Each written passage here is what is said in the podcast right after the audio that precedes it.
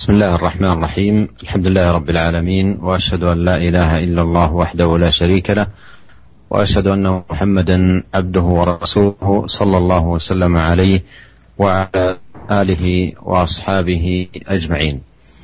أما بعد أيها الإخوة المستمعون الكرام وصلنا في شرح كتاب رياض الصالحين للإمام النووي رحمه الله تعالى إلى باب بر الوالدين وصلة الأرحام. وساق الإمام النووي رحمه الله تعالى آه، أدلة من القرآن ثم أتبع هذه الأدلة بأدلة من السنة كما هي عادته رحمه الله تعالى في هذا الكتاب المبارك. فذكر من أدلة القرآن قول الله تعالى واعبدوا الله ولا تشركوا به شيئا وبالوالدين إحسانا.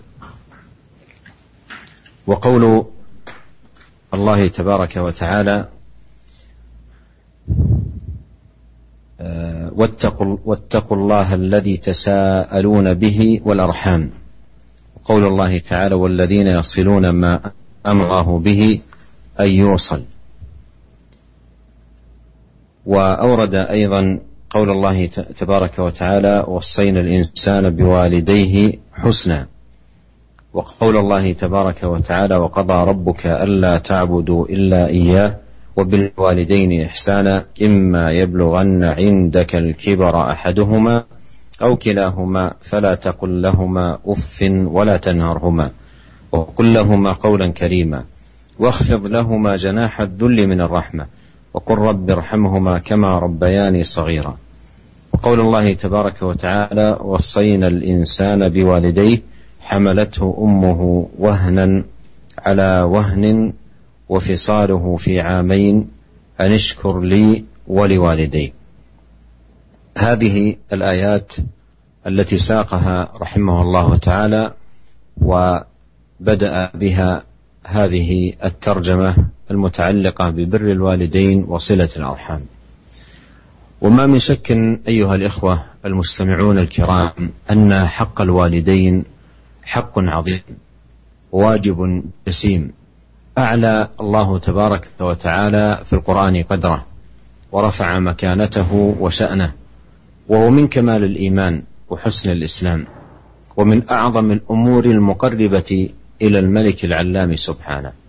ويكفي أيها الإخوة المستمعون الكرام برهانا ودليلا على عظم هذا الحق وجسامة هذا المطلب أن الله تبارك وتعالى قرنه بحقه في خمس آيات من القرآن. قال الله تعالى وإذ أخذنا ميثاق بني إسرائيل لا تعبدون إلا الله وبالوالدين إحسانا. وقال الله تعالى قل تعالوا أتل ما حرم ربكم عليكم ألا تشركوا به شيئا وبالوالدين إحسانا. وقال الله تعالى واعبدوا الله ولا تشركوا به شيئا وبالوالدين احسانا. وقال تعالى وقضى ربك ألا تعبدوا إلا إياه وبالوالدين احسانا. وقال تعالى ووصينا الإنسان بوالديه حملته أمه وهنا على وهن وفصاله في عامين أن اشكر لي ولوالديك. إلي المصير. وبمثل ما جاء به القرآن جاءت سنة النبي. الكريم عليه الصلاة والسلام. ففي الترمذي من حديث عبد الله بن عمرو بن العاص رضي الله عنهما أن النبي صلى الله عليه وسلم قال رضا الرب في رضا الوالدين وسخط الرب في سخط الوالدين وجاء في الصحيحين عدوا بر الوالدين في أعظم القرب وجلائل الطاعات وكبير القربات ففي الصحيحين من حديث عبد الله بن مسعود رضي الله عنه قال سألت النبي صلى الله عليه وسلم أي العمل أحب إلى الله قال الصلاة على وقتها قال ثم أي قال بر الوالدين قال ثم أي قال الجهاد في سبيل الله Bismillahirrahmanirrahim. Alhamdulillah, segala puji dan syukur kita panjatkan kehadirat Allah Subhanahu wa taala atas segala limpahan karunia yang Allah berikan kepada kita. Semoga salawat dan salam senantiasa tercurahkan kepada suri teladan kita, junjungan kita, Nabi Muhammad sallallahu alaihi wasallam dan keluarganya serta seluruh sahabat beliau ajma'in.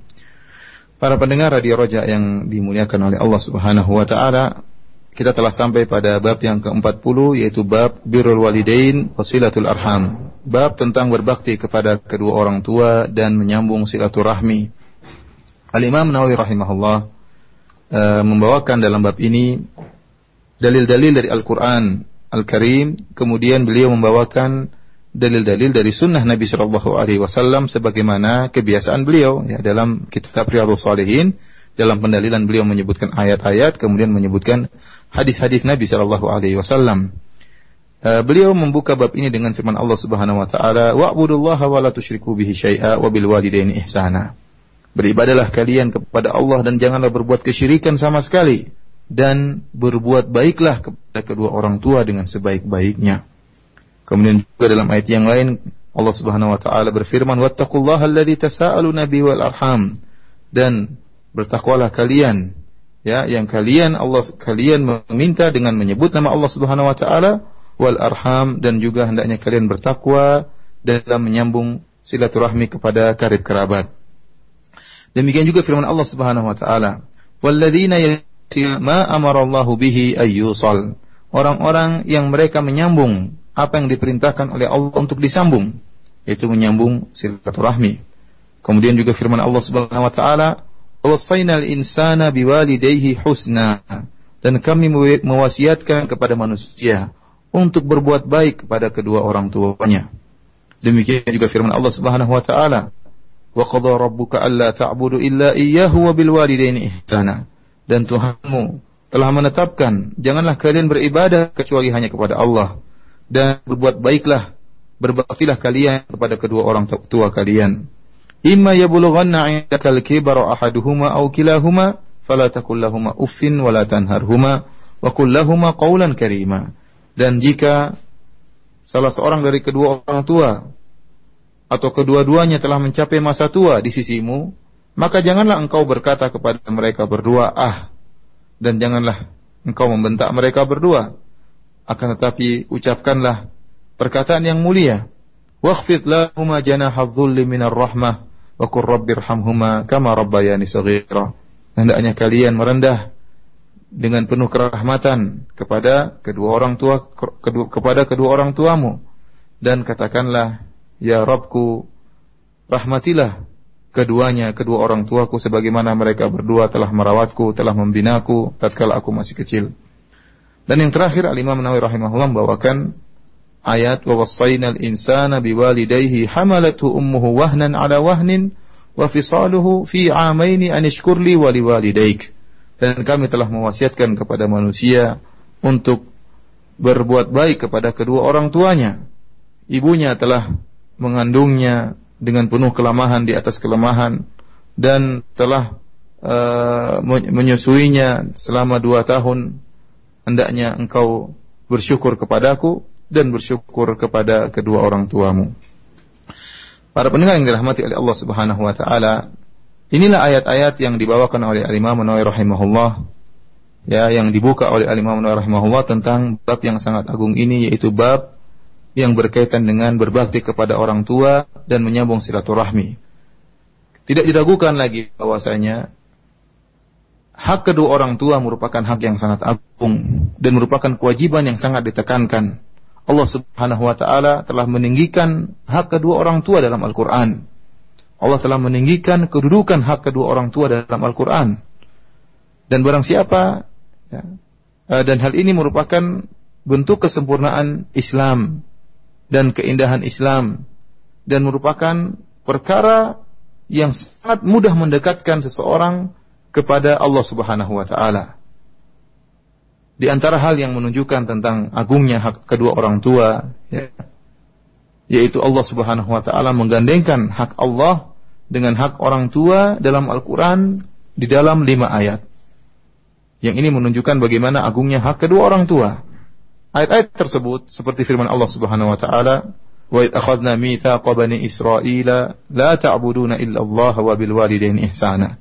tatkala kami mengambil perjanjian dari Bani Israel, janganlah kalian beribadah kecuali kepada Allah dan hendaknya kalian berbakti kepada kedua orang tua. Ayat yang kedua firman Allah Subhanahu wa taala, Qul ta'alu atlu ma harrama rabbukum alaikum alla tusyriku bihi syai'a wa bil walidaini ihsana. Kemarilah katakanlah kemarilah aku bacakan kepada kalian apa yang diharamkan oleh Rabb kalian kepada kalian. Janganlah kalian berbuat kesyirikan kepada Allah sama sekali dan hendaknya kalian berbakti kepada kedua orang tua kalian. Kemudian firman Allah yang ketiga, wa'budullaha wa la tusyriku bihi syai'a wa bil walidaini ihsana. Sembahlah Allah saja dan jangan berbuat kesyirikan dan hendaknya kalian berbakti kepada kedua orang tua kalian. Ayat yang keempat firman Allah Subhanahu wa taala, Wa qada rabbuka alla ta'budu illa iyyahu wa bil walidaini ihsana. Dan Rabbmu telah menetapkan janganlah kalian beribadah kecuali kepada Allah Subhanahu wa taala dan hendaknya kalian berbakti kepada kedua orang tua kalian. Dan ayat yang kelima firman Allah Subhanahu wa taala yang tadi telah kita bacakan, "Wa wasainal insana biwalidayhi hamalathu ummuhu wahnan ala wahnin wa fisaluhu fi amaini an ishkur li wa liwalidayka ilayal masir." Sungguhnya kami telah mewasiatkan kepada manusia untuk berbuat baik kepada kedua orang tuanya. Ibunya telah mengandungnya dengan penuh kelemahan yang bertambah-tambah dan ibunya telah menyusuinya selama dua tahun. Hendaknya engkau bersyukur kepadaku dan berterima kasih kepada kedua orang tuamu dan kepada akulah tempat kembalimu. Para pendengar yang dirahmati oleh Allah Subhanahu wa taala, sebagaimana Al-Qur'an menjelaskan tentang ayat-ayat yang menggandengkan antara hak Allah dengan hak orang tua, demikian juga dalam sunnah-sunnah Nabi Shallallahu alaihi wasallam ya digandengkan juga antara hak kedua orang tua dengan hak Allah Subhanahu wa taala. Dalam Sunan Tirmidzi dari hadis Abdullah bin Amr bin Al-As radhiyallahu taala anhuma bahwasanya Nabi Shallallahu alaihi wasallam pernah bersabda, ridha Rabb fi ridhal walid. Sungguhnya keridhaan Allah Subhanahu wa taala terletak pada keridhaan kedua orang tua. Wa sakhatur Rabb fi sakhatil walid. Demikian juga bahwasanya kemurkaan Allah terletak pada kemurkaan kedua orang tua. Demikian juga dalam hadis yang diriwayatkan oleh Imam Al-Bukhari dan Imam Muslim disebutkan bahwasanya birrul walidain berbakti kepada orang tua merupakan a'zamul qurab, merupakan perkara yang sangat mendekatkan seorang kepada Allah Subhanahu wa taala dari hadis Abdullah bin Mas'ud radhiyallahu taala anhu. Beliau berkata, "Aku bertanya kepada Nabi sallallahu alaihi wasallam, ayyul amali ahabbu ila Allah?" Amalan apakah yang paling dicintai oleh Allah Subhanahu wa taala? Maka Nabi sallallahu alaihi wasallam menjawab, "As-salatu ala waqtiha." Salat pada waktunya. Kemudian Ibnu Mas'ud bertanya lagi, "Summa ayyun?" Kemudian amalan apa? Kata Nabi sallallahu alaihi wasallam, "Birrul walidain." Berbakti kepada kedua orang tua. Kemudian Ibnu Mas'ud bertanya lagi, "Summa ayun?" Kemudian amalan apa lagi? Kata Nabi sallallahu alaihi wasallam, "Al-jihadu fi sabilillah berjihad di jalan Allah Subhanahu wa taala." أيها الإخوة المستمعون وهذه الآيات الكريمات التي فيها الأمر ببر الوالدين والإحسان إليهما. فيها أن الله جل وعلا لما أمرنا ببر الوالدين أطلق الأمر وعمم ليتناول كل بر وإحسان قولي وفعلي. بل أيها الإخوة المستمعون إن هذا الإطلاق يدل على أن للوالدين من البر اوفاه ومن الإحسان اعلاه كيف لا؟ ومقامهما مقام عظيم وحقهما حق جسيم. ولهذا كان للوالدين من حسن الصحبة وطيب المعاملة وجمال الحديث ورعاية الحقوق ليس لغيرهما؟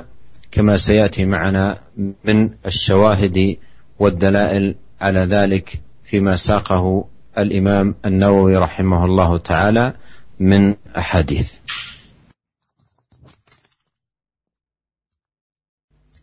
Para pendengar yang dirahmati oleh Allah Subhanahu wa taala, ayat-ayat yang dibawakan oleh Al-Imam rahimahullah tentang perintah berbakti kepada kedua orang tua dan perintah untuk berbuat baik kepada kedua orang tua ya ayat-ayat tersebut datang secara mutlak ya. tidak disebutkan jenis berbuat baiknya tidak disebutkan jenis berbaktinya.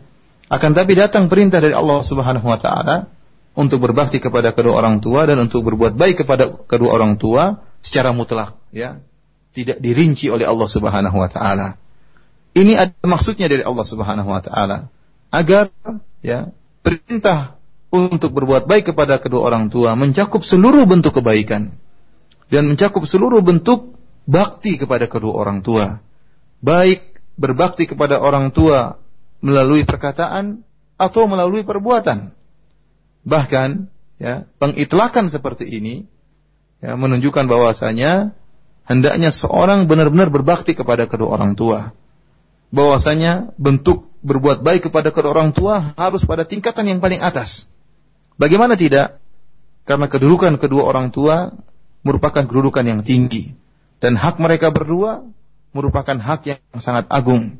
Ya, oleh karenanya, kedua orang tua memiliki hak untuk di dipergauli, ya, untuk dimuamalahi, untuk diajak berbicara dengan pembicaraan yang indah, ya. Mereka memiliki hak berbeda dengan yang selain mereka berdua. Sebagaimana akan dijelaskan dalam dalil-dalil yang disebutkan oleh Al-Imam Nawawi rahimahullah dalam kitabnya Riyadhus Salihin. أيها الإخوة المستمعون الكرام أورد الإمام النووي رحمه الله تعالى بعد ذلكم أحاديث عديدة عن رسول الله صلى الله عليه وسلم في بر الوالدين والحث على صلة الأرحام بدأ هذا الحديث بحديث أبي عبد الرحمن عبد الله بن مسعود رضي الله عنه قال سألت النبي صلى الله عليه وسلم أي العمل أحب إلى الله تعالى؟ قال الصلاة على وقتها. قلت ثم أي؟ قال بر الوالدين. قلت ثم أي؟ قال الجهاد في سبيل الله. متفق عليه. وهذا الحديث العظيم أيها الإخوة الكرام فيه عظم شأن حق الوالدين وعظم مكانة هذا الحق العظيم. فلما سئل صلوات الله وسلامه عليه أي العمل أحب إلى الله تعالى؟ قال الصلاة على وقتها. ومعلوم أن الصلاة أعظم فرائض الدين وهي أجلها على الإطلاق بعد الشهادتين وهي عماد الدين. في الحديث العهد الذي بيننا وبينهم الصلاة فمن تركها فقد كفر. ومكانة الصلاة في الدين معلومة وهي حق لله سبحانه وتعالى على عباده. قال قلت ثم أي قال بر الوالدين. وهذا موطن الشاهد من الحديث للترجمة حيث إن الله جل في علاه قرن حق الوالدين بحقه سبحانه. قرن حق الوالدين برا وإحسانا ووفاء بحقه سبحانه وتعالى ألا وهو عبادته والتقرب إليه بما شرع وأعظم القربات وأجلها هذه الصلاة حفاظا عليها وأداء لها في وقتها. قال ثم قلت ثم أي قال الجهاد في سبيل الله. فجاءت هذه الأعمال مرتبة فبدأ بالصلاة ثم أتبعت الصلاة ببر الوالدين مقدما على الجهاد. وهذا مما يوضح لنا الأحاديث الكثيرة التي يأتي فيها الرجل إلى النبي صلى الله عليه وسلم عارضا نفسه ليشارك في الجهاد في سبيل الله فيسأله ألك أبوان؟ ثم يقول ففيهما فاجتهد لأن لهما من الحق والمكانة والمنزلة العلية وأداء الإحسان إليهما ما ليس لغيرهما فكان لهم الحق المقدم والمنزلة العلية الوافية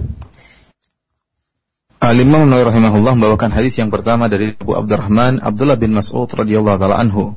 Beliau berkata, "Aku bertanya kepada Nabi sallallahu alaihi wasallam, amalan apa yang paling dicintai oleh Allah Subhanahu wa taala?" Maka Nabi menjawab, "As-salat ala waktiha, salat pada waktunya." Kemudian aku bertanya lagi, "Kemudian amalan apa?" Kata Nabi sallallahu alaihi wasallam, "Birrul walidain, berbakti kepada kedua orang tua." Aku bertanya lagi, "Kemudian amalan apa?" Kata Nabi sallallahu alaihi wasallam, "Al-jihadu fi sabilillah, berjihad di jalan Allah Subhanahu wa taala. Para pendengar yang dirahmati oleh Allah Subhanahu wa taala, inilah hadis yang pertama yang dibawakan oleh Al-Imam Nawawi dalam bab birrul walidain, berbakti kepada kedua orang tua dan menyambung silaturahim. Dan hadis ini merupakan hadis yang agung yang menjelaskan tentang agungnya hak kedua orang tua. Oleh karenanya, tatkala Ibnu Mas'ud bertanya kepada Nabi Shallallahu Alaihi Wasallam tentang amalan yang teragung, amalan yang paling dicintai oleh Allah Subhanahu Wa Taala, maka Nabi menjawab salat. Dan kita ketahui bahwasanya salat merupakan kewajiban dalam agama ini yang paling tinggi setelah syahadatain. Tidak ada kewajiban yang paling tinggi kedudukannya setelah syahadatain kecuali salat. Sampai-sampai Nabi Shallallahu Alaihi Wasallam bersabda, Al ahdul ladhi bainana wa bainahumus salat, faman tarakaha faqad kafar. Sungguhnya yang menjadi ya, perjanjian antara kami dengan mereka adalah salat. Barang siapa yang meninggalkan salat maka dia telah kufur kepada Allah Subhanahu wa taala. Dan kedudukan salat ya merupakan perkara yang telah diketahui bersama dan dia merupakan hak Allah Subhanahu wa taala. Kemudian tatkala Nabi ditanya amalan apa yang dicintai paling dicintai oleh Allah setelah salat, Nabi menjawab birrul walidain.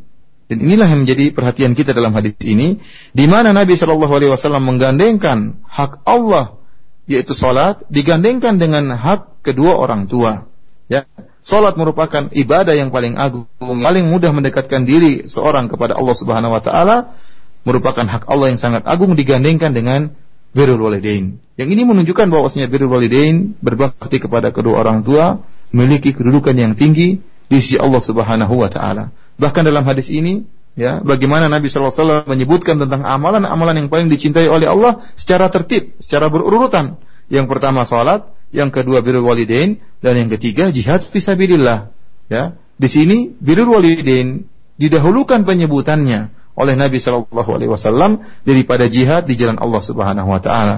Dan ini menjelaskan kepada kita tentang banyak hadis-hadis yang menjelaskan bagaimana sebagian sahabat datang menemui Nabi Shallallahu Alaihi Wasallam dan menyatakan ya Rasulullah saya ingin berjihad di jalan Allah Subhanahu Wa Taala maka Nabi bertanya kepada dia alaka abawan apakah kau memiliki dua orang tua kemudian tatkala sahabat tersebut menjawab iya saya memiliki dua orang tua kata Nabi Shallallahu Alaihi Wasallam fafihi ma fajahid kalau begitu berjihadlah engkau dalam berbakti kepada kedua orang tuamu Kenapa? Karena kedua orang tua memiliki hak yang sangat agung yang wajib bagi kita untuk kita berbuat baik, berbakti kepada orang tua dengan semaksimal mungkin. ثم أورد رحمه الله تعالى حديث أبي هريرة رضي الله عنه قال قال رسول الله صلى الله عليه وسلم لا يجزي ولد والدا إلا أن يجده مملوكا فيشتريه فيعتقه. رواه مسلم. ومعنى قوله لا يجزي أي لا يكافئ. وهذا من الدلائل العظيمة على عظم حق الوالدين والمكانة العلية التي لهما. وأن الابن مهما قدم لوالديه من صنوف البر والإحسان والوفاء بحقوق الوالدين لا يستطيع بذلك أن يجزيهما أن يكافئهما على ما قدم له من تربية وإحسان ورعاية وغير ذلك مما قام به تجاه هذا الولد. إلا كما قال عليه الصلاة والسلام أن يجد الولد والده مملوكا أي عبدا رقيقا فيشتريه يشتريه ويعتقه. قال فيشتريه فيعتقه. ولا يحتاج أن يقول الولد أعتقته أو هو عتيق أو نحو ذلك لأنه بمجرد آه، الشراء يعتق لأنه لا يكون رقيقا ومملوكا ولده فانظر رعاك الله عظم حق الوالدين وأنك مهما قدمت لا تزال مقصرا تجاه الحق الكبير الذي عليك على والديك. وان الواجب عليك ان تتقي الله سبحانه وتعالى في والديك احسانا ورعايه وقياما بالحقوق Kemudian hadis yang berikutnya dari sahabat Abu Hurairah radhiyallahu taala anhu, beliau berkata Rasulullah sallallahu alaihi wasallam bersabda, la yajzi waladun walidan illa an yajidahu mamlukan fayashtariyahu fayu'tiqahu rawahu muslim seorang anak tidak bisa membalas kebaikan orang tuanya kecuali jika dia mendapati orang tuanya dalam kondisi sebagai budak kemudian dia beli budak tersebut lalu dia bebaskan atau dia merdekakan budak tersebut hadis yang diriwayatkan oleh Al-Imam Muslim para pendengar yang dirahmati oleh Allah Subhanahu wa taala Hadis ini merupakan dalil yang sangat jelas yang menunjukkan tentang agungnya hak kedua orang tua. Bahwasanya bagaimanapun seorang anak berusaha semaksimal mungkin untuk berbuat baik kepada kedua orang tuanya dengan beraneka ragam kebaikan, dengan bermacam-macam bentuk bakti kepada kedua orang tuanya, maka sungguhnya dia tidak akan mampu untuk membalas jasa kedua orang tuanya. Ya. Kenapa? Karena kedua orang tuanya lah yang telah ya melahirkannya dan telah mendidiknya, yang telah berusaha payah untuk merawatnya, ya. Dan ini merupakan kebaikan yang tidak mungkin untuk dibalas oleh seorang anak. Kata Nabi Shallallahu Alaihi Wasallam, kecuali jika seorang anak mendapati ayahnya dalam keadaan sebagai budak, kemudian dia beli budak tersebut dan dia bebas budak tersebut. Dan tentunya tatkala seorang anak mendapati orang tuanya dalam kondisi sebagai budak, kemudian dia beli orang tuanya tersebut, maka tidak perlu dia mengatakan apa atakuhu ya utikuhu misalnya saya e, bebaskan dia tidak perlu. Kenapa? Karena dengan dia membeli orang tuanya tadi yang dalam keadaan budak, maka otomatis orang tuanya merdeka karena tidak boleh seorang memperbudak orang tuanya sendiri. Yang jadi perhatian kita dalam hadis ini bahwasanya lihatlah bagaimana agungnya hak kedua orang tua. Ya bahwasanya seorang hamba, seorang anak meskipun dia berusaha semaksimal mungkin dia tidak akan bisa membalas kebaikan kedua orang tuanya. Dia senantiasa kurang dalam berbakti kepada kedua orang tuanya. Oleh karenanya yang wajib bagi seorang anak untuk terus berusaha berbakti kepada kedua orang tuanya. ثم أورد رحمه الله تعالى حديث أبي هريرة رضي الله عنه أن رسول الله صلى الله عليه وسلم قال: من كان يؤمن بالله واليوم الآخر فليكرم ضيفه ومن كان يؤمن بالله واليوم الآخر فليصل رحمه ومن كان يؤمن بالله واليوم الآخر فليقل خيرا أو ليصمت متفق عليه. وهذا الحديث فيه الحث على ثلاث خصال عظيمة وهي إكرام الضيف وصلة الرحم وصيانة اللسان بأن يقول المرء خيرا أو يمنع نفسه من الحديث فيما سوى ذلك. والشاهد من هذا الحديث الحث على صلة الأرحام ومن لهم قرابة على الشخص وأن ذلك من خصال الإيمان ومن مقتضياته وأن من يؤمن بالله واليوم الآخر فإن هذا الإيمان بالله الذي هو المعبود المقصود الملتجأ إليه واليوم الآخر الذي هو يوم الجزاء والحساب يقتضي أن يقوم الإنسان بهذه الحقوق التي أوجبها الله سبحانه وتعالى وهي صلة الرحم صلة لما أمر الله تبارك وتعالى به أن يوصل. قد تقدم معنا قول الله تعالى والذين يصلون ما أمر الله به أن يوصل ويدخل في عموم ذلكم صلة الرحم. ولا شك أن هذا الحث على صلة الرحم وبيان أنه مقتضيات الإيمان وموجباته ما يدل على كمال هذا الدين ورعايته للحقوق وتعظيمه لأدائها. وأيضا شدة ما جاء وسيأتي معنا في هذا أحاديث الإنكار على من يقطع ما أمر الله سبحانه وتعالى ما أمره الله سبحانه وتعالى به من صله لذوي الارحام. Hadis berikutnya dari Abu Hurairah juga radhiyallahu taala anhu bahwasanya Rasulullah sallallahu alaihi wasallam bersabda, barang siapa yang beriman kepada Allah dan hari akhirat, maka hendaknya dia muliakan tamunya. Dan barang siapa yang beriman kepada Allah dan hari akhirat, maka hendaknya dia menyambung silaturahmi. Dan barang siapa yang beriman kepada Allah dan hari akhirat, maka hendaknya dia berucap yang baik atau dia diam. Hadis yang sahih yang diriwayatkan Imam Bukhari dan Imam Muslim. Para pendengar yang dirahmati oleh Allah Subhanahu wa taala, dalam hadis ini ada motivasi atau dorongan untuk melaksanakan tiga perkara yang sangat penting ya, yang merupakan konsekuensi dari beriman kepada Allah dan hari akhirat. Yang pertama yaitu memuliakan tamu dan yang kedua adalah menyambung silaturahmi dan perkara yang ketiga yaitu berucap yang baik atau diam. Dan yang menjadi perhatian kita dalam hadis ini sesuai dengan bab yang sedang kita bahas yaitu motivasi untuk menyambung silaturahmi. Siapa mereka yang harus kita sambung? Siapa si al-arham? Al-arham yaitu mereka orang-orang yang memiliki kekerabatan dengan dengan kita. Ya.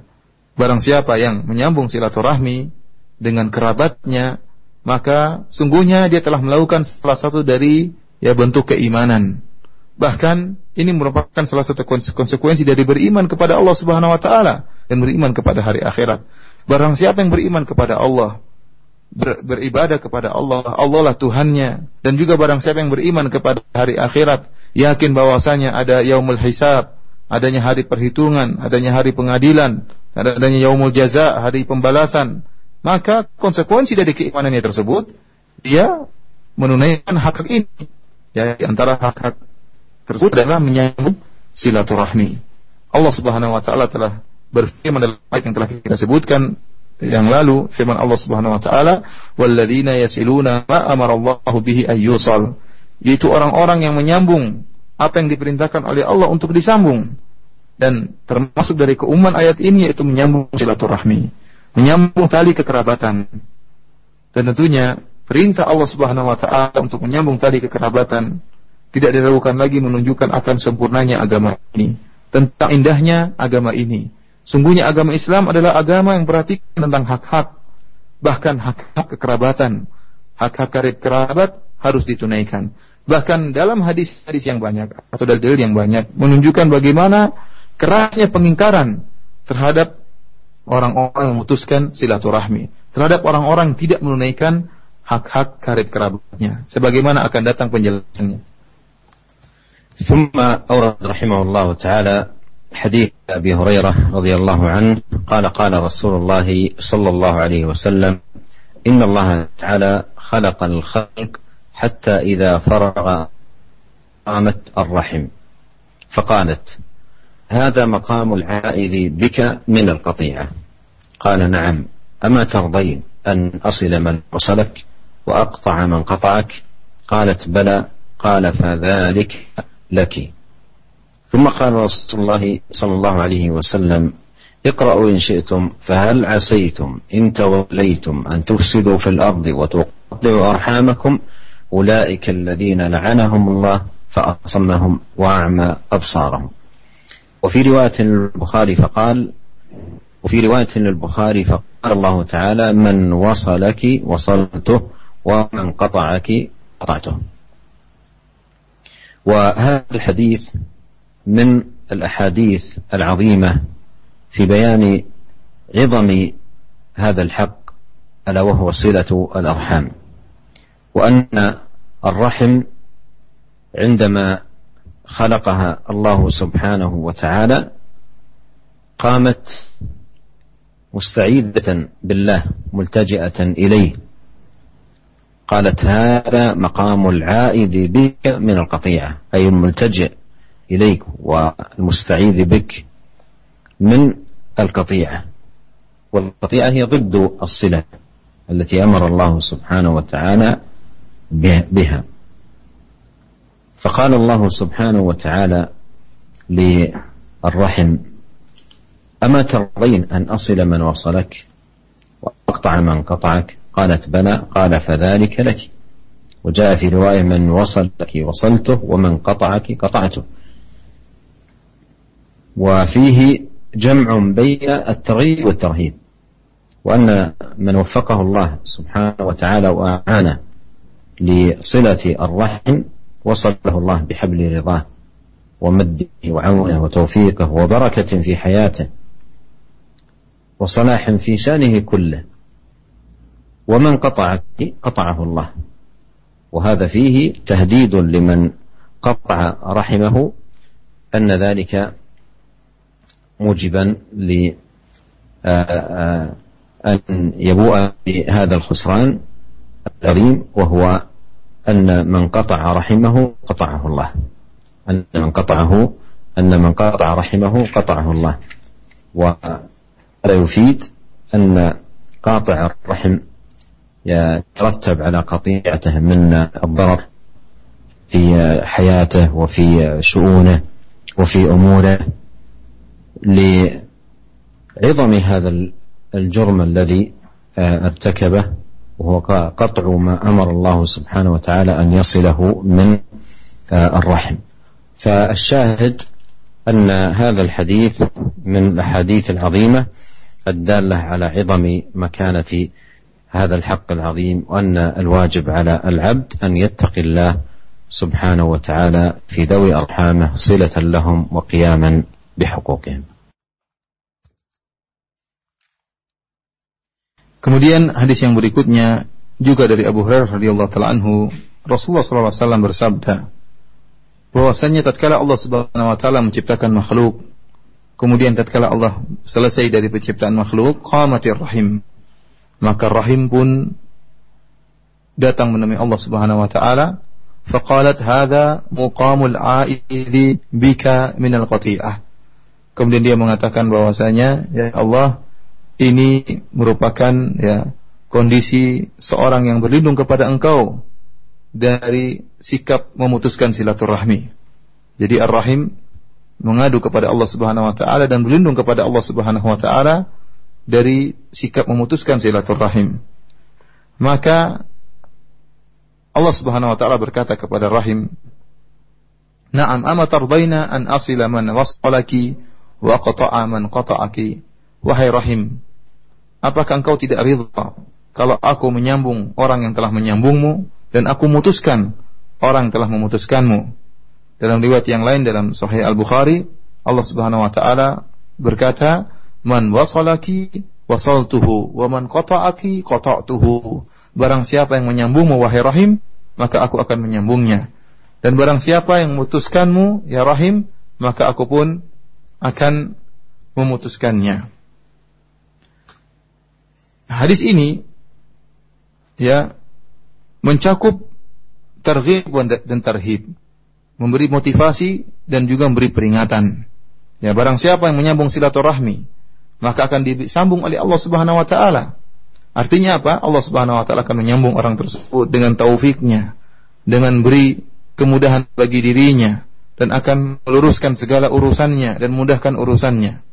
Dan Allah akan meridainya. Dan barang siapa yang memutuskan silaturahmi, memutuskan silaturahmi, maka Allah akan memutuskannya. Artinya apa? Allah Subhanahu wa taala akan menjauhkan ya akan menjauhkan menjauhkannya dari taufik Allah Subhanahu wa taala dan juga akan menjauhkannya dari keridhaan Allah Subhanahu wa taala serta dia akan mendapatkan kesulitan dalam kehidupannya.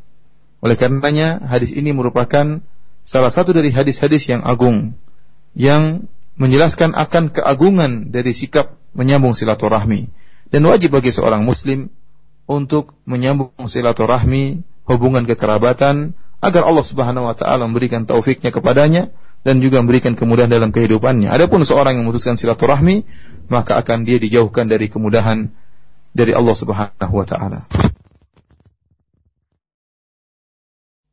ونسأل الله الكريم رب العرش العظيم أن يوفقنا جميعا لبر الوالدين وصلة الأرحام والقيام بالحقوق التي أوجبها سبحانه وتعالى علينا وأن يهدينا إليه صراطا مستقيما وأن يصلح لنا شأننا كله وأن لا يكلنا إلى أنفسنا طرفة عين إنه سميع الدعاء وهو أهل الرجاء وهو حسبنا ونعم الوكيل Demikianlah kita mohon kepada Allah Subhanahu wa taala agar Allah mudahkan kita untuk bisa menyambung silaturahmi, agar Allah Subhanahu wa taala mudahkan kita untuk bisa berbakti kepada kedua orang tua dan agar Allah Subhanahu wa taala senantiasa memberikan taufiknya kepada kita untuk bisa memudahkan segala urusan kita. Sungguhnya Allah Subhanahu wa taala Maha mendengar permintaan hamba-hambanya dan Maha mengabulkan permintaan hamba-hambanya. Selanjutnya saya kembalikan kepada akhi Fawaz taala.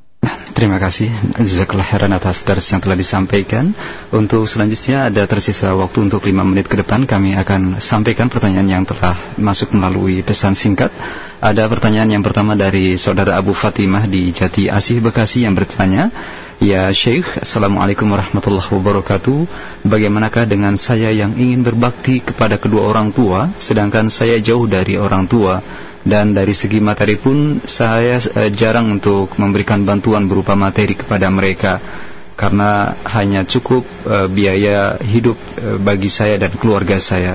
Bagaimanakah cara yang terbaik bagi saya untuk bisa berbakti kepada kedua orang tua saya? Terima kasih. Jazakallah khairan ya Syekh. يعني أنا أسكن بعيدا عنهما وما عندي مقدرة مالية. المال الذي عندي يكفي لي ولأهلي فقط. برك بوالديك مع المسافة؟ أولا كثرة الدعاء للوالدين. وثانيا التواصل معهما عبر وسائل الاتصال الحديثة الميسرة.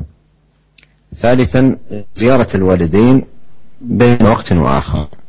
أما إذا كان الوالدان بحاجة إليك خدمة لهما وعناية بهما وليس عندهما من يقوم بذلك فإما أن تنقلهما إلى المنطقة التي فيها أو أن تنتقل بعملك إلى المنطقة التي هما فيها وتكون قريبة لتقوم بحق الخدمة اللازمة المتعينة